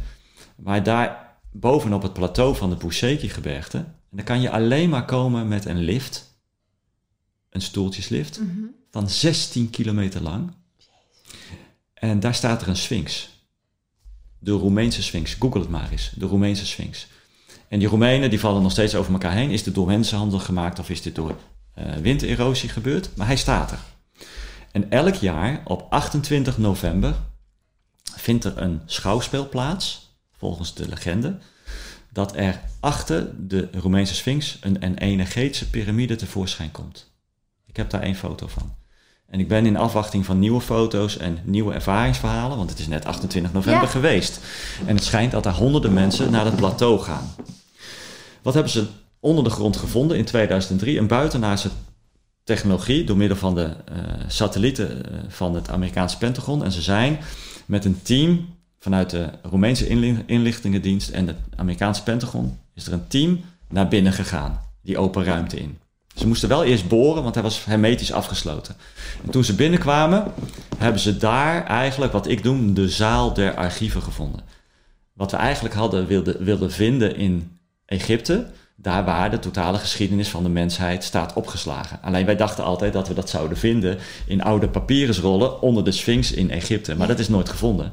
Het is gevonden in het Busheki-gebergte, alleen niet in oude papyrusrollen, maar in hypermoderne, buitenaardse computertechnologie. Nee. Ja, ja, dit is waanzinnig wat ik nu vertel hoor. En ik snap dat mensen misschien afhaken of mij voor gek gaan verklaren. Nee. Maar ik ben daar echt mee bezig, ook met verschillende bronnen dat team wat daar is binnen geweest, één van die leden en uit het Roemeense team, die heeft dit uiteindelijk laten optekenen in een boek geschreven door Radu Shinemar. En hij vertelt, zijn woorden, toen ik daar binnenkwam, werden er allerlei hologrammen geprojecteerd in de open ruimte. Dat duurde uren en de hele geschiedenis van de aarde en van de mensheid kwam voorbij. En hij heeft bevestigd dat wat hij heeft gezien, 98% van wat wij hebben geleerd, klopt niet. Met wat hij heeft gezien in die hologrammen. Ze hebben gezien dat die ruimte 50.000 jaar niet is betreden. Dus het, het staat er al 50.000 jaar Te wachten. te wachten. De Roemenen wilden dit eigenlijk naar buiten brengen, maar er is een stokje doorgestoken, voorgestoken door de Amerikaanse overheid. De Roemenen zijn afgekocht. En kijk ook maar in welke periode de Roemenen versneld zijn toegelaten tot de NAVO. In 2004. Ah. Precies ten tijde dat dit allemaal heeft gespeeld. En natuurlijk kan je zeggen van ja, die boeken van Radu Cinema, misschien heeft iemand dat gelezen, eh, is gebaseerd gewoon een fictieverhaal. Dat kan en het is één bron. En ik zeg altijd, ook altijd heel eerlijk, één bron is geen bron. Maar toen ik het boek las, dacht ik wel, hé, hey, dit gaat veel verder dan fictie. Voor mij voelde het als waarheid. Maar dat, ja. Ga door. Maar nu ehm, is er een, een, een kennis van mij die is er recentelijk geweest. Geïnspireerd door mijn verhaal, want ik ben er ook nog niet geweest. En voordat ik ergens naartoe ga met mijn camper, wil ik wel weten: eh, kan ik het met mijn camper allemaal bereiden? Ja. Hoe ziet het er allemaal uit? Eh, waar moet ik op letten? Eh, nou, ik heb wel wat voorbereiding nodig. Maar er is iemand geïnspireerd geraakt door dit verhaal. Die is daar naartoe gegaan twee weken geleden. Hij zegt: Art, wat ik heb, daar heb gezien is echt bizar. Dat was dus rond 28 november. Ja, ja, hij was daar rond 28 november. Maar hij is niet, eh, hij was net voor 28 november was hij weer weg. Oh, want ik doe even de aanname dat die, die verschijning van die piramide, dat was mijn eerste gedachte. Is dat dan een hologram? Dat hij dan op 28 november Ja, dat is, dat is energetische... energetisch ja. soort alle hologram Ja, hologram. Die dan even verschijnt en dan weer weggaat. Ja. En waarom op 28 november en waarom een hologram? Ja, nou, dat, zijn dat natuurlijk moeten we allemaal, nog uitzoeken. Dat, Dat zijn allemaal van die vragen. Ja, maar er is daar een legende en die gaat over dat eh, in, Buzek, of, eh, in Roemenië staan er zeven piramides. Er zijn zeven bronnen voor onsterfelijkheid en het heeft met water te maken. Mm. Dat is de legende. En er zijn allemaal mysterieuze tunnelsystemen daar ook. Dus en die legende gaat daar al duizenden jaren. Ja, die tunnelsystemen, dat is Elke ook- keer ja, die tunnelsystemen, altijd. ook weer hier. Overal. Maar daar ga, hij is daar naartoe gegaan en hij zegt: Dan kom ik daar aan, aan de voet van die berg. Hè, voordat je met de lift naar boven gaat. Het eh, wordt niet gestimuleerd, want het is heel erg duur om naar boven te gaan. Ik geloof 50 euro per persoon Ja, ja. om überhaupt naar boven te komen. Tu- 16 kilometer. Ja. En hij zegt: Wie en waarom hebben ze daar een lift aangelegd? Want het is geen skigebied. Nee. Er staat een groot wellness resort staat onderaan die berg. Geen enkele toeristen bekennen. En niemand is bereid daar om iets te vertellen, want ze houden het allemaal een beetje op afstand van wat daar is. En waarom dit al heel erg geheimzinnig. En ze zitten eigenlijk niet te wachten om met toeristen daar te praten. En hij was de enige toerist. Nou, hij voelt allemaal een beetje gek en hij krijgt geen informatie. De enige informatie die hij kreeg was op een terras bij een café daar eh, aan de voet van die berg. Door een dame nou, die ook eh, nou ja, bewust is, spiritueel aangelegen is. En die weet, wist heel veel te vertellen. En heeft allemaal Roemeense websites ook gegeven aan hem. Van kijk hier is naar, kijk daar is naar. En het gaat, het gaat allemaal veel verder. En hij is naar boven gegaan, naar die Sphinx gegaan. Helemaal alleen. Helemaal geen bordjes, helemaal geen paden. Er staan allemaal eh, leegstaande gebouwen. Hij ziet allemaal gaten in de grond die ook weer zijn volgestopt. Dus er is daar geboord. Eh, gebouwen die verlaten zijn. Heel erg mysterieus. Hele bijzondere aparte sfeer. Ja, bijna een beetje spooky. Ja, ja, spooky. Jazeker. Ja. Jazeker. Hij durfde ook het tunnelsysteem. Nee, een, niet een tunnelsysteem durfde hij niet zomaar in, want die schijnt daar acht kilometer lang te zijn. En nou ja, het is allemaal donker. Hij is de Geen 300 meter, geen bordjes, 300 Nee. meters erin gelopen, maar weer teruggaan. Maar hij zegt, ja, ehm, eh, hij is dan in de, in de herfstperiode gegaan en zegt, ga daar niet naartoe als er sneeuw ligt. Het is allemaal glibberig naar boven. Maar hier is echt wel wat. Maar ik kom nu allemaal Roemenen komen op mijn pad. Die zeggen, Art, ja, er is een, allemaal legendes. Zeer interessant om daarin te, in te duiken. En zeker over dat boek wat is, eerst is verschenen in het Roemeens. Wat daar dus in 2003, 2004 onder de grond heeft plaatsgevonden. En wat angstvallig wordt stilgehouden. Wat en dat daar boek is, dat nu vertaald? Ja, dat is vertaald naar het Nederlands. Het Oh, heet echt? Zonsopgang boven Transylvanië. Oké. En bij Obelisk te bestellen. Oké. En het, inmiddels zijn het zeven delen geworden. Jeez. Ja. Wel gaaf. Ja, ja ik vind het, eh, ja, het, het is echt next level. Dit is echt next dit level. is dus waar we misschien altijd al van voelden, er was meer. En Ja. dit is dan zou het bewijs kunnen zijn. Ja, maar ook weer gelinkt aan buitenaardse beschavingen. En dat, ja, weet je, zo'n verhaal komt niet ergens Nee. vandaan. Maar ook dat er nu allemaal Roemenen op mijn pad komen die zeggen... Art, ja, we gaan kijken of we meer bronnen kunnen krijgen... wat mensen nog weten van vroeger.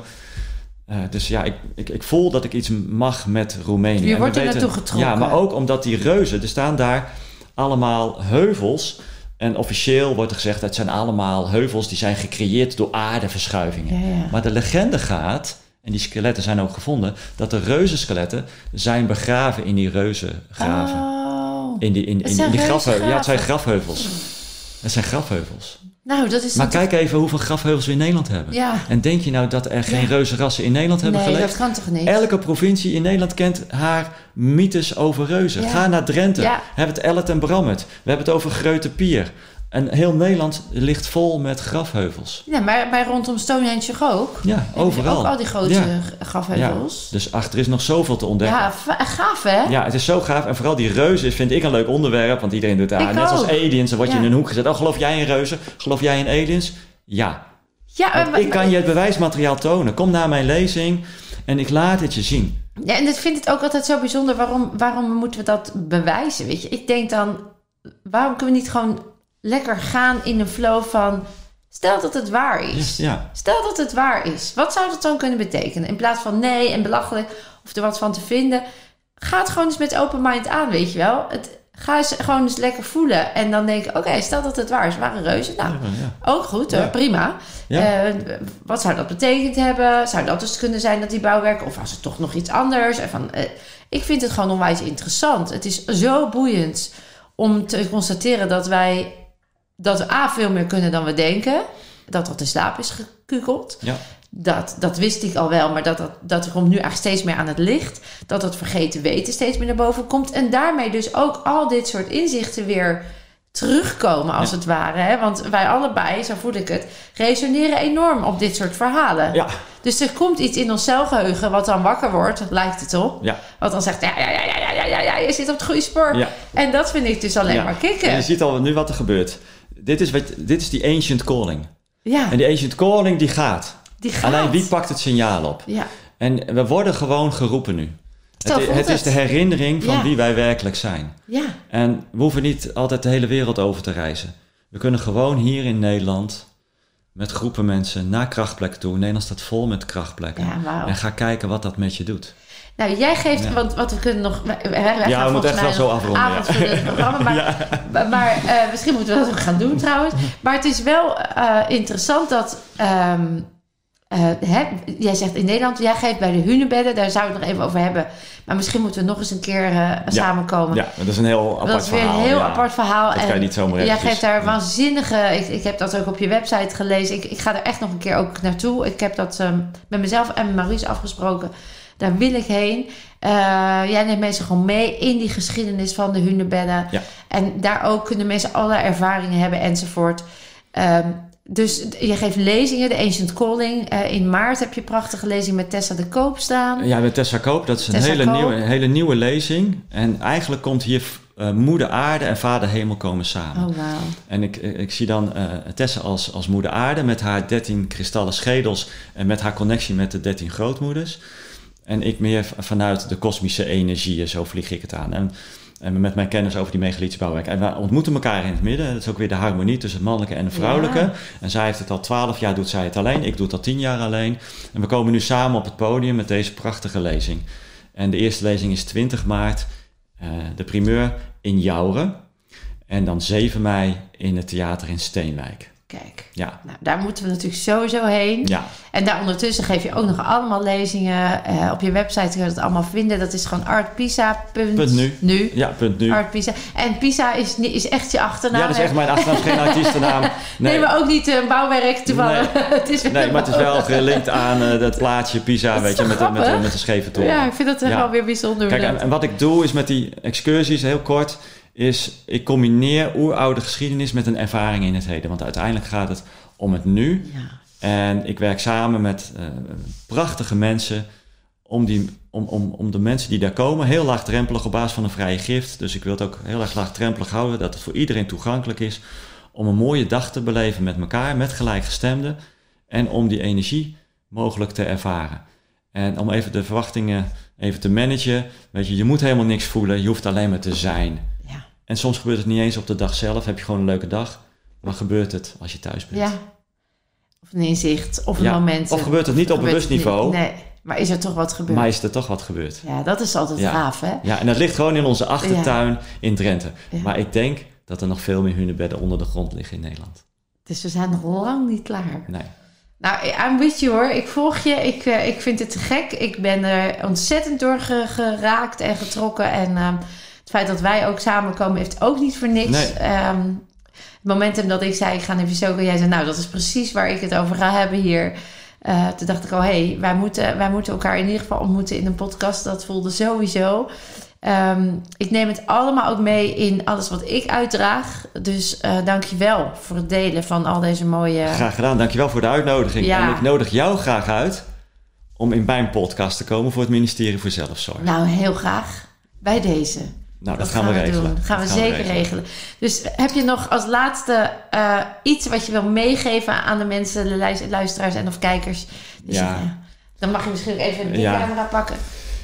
Kijk, het gaat om het licht. Kijk, we worden nu in het licht gezet vanuit Vader Hemel. En dat ontmoet Moeder Aarde, omdat Moeder Aarde reageert daar door haar frequentie te verhogen. En zij kan niet anders dan haar frequentie te verhogen, omdat zij in het licht wordt gezet door Vader Hemel. En natuurlijk hier op aarde leven we in een dualiteit. Dat betekent dat als het licht toeneemt, ook de andere kant gaat toenemen. Dat merken we nu, dat de duisternis toe- toeneemt. Maar het licht schijnt in duisternis. In duisternis, niet in het licht. Hou je daaraan vast. Ik zeg verder niks. Ik zeg alleen maar dank jullie wel. En je weet het. Je kan meer dan je denkt. En je bent zelfredende kracht. Namaste.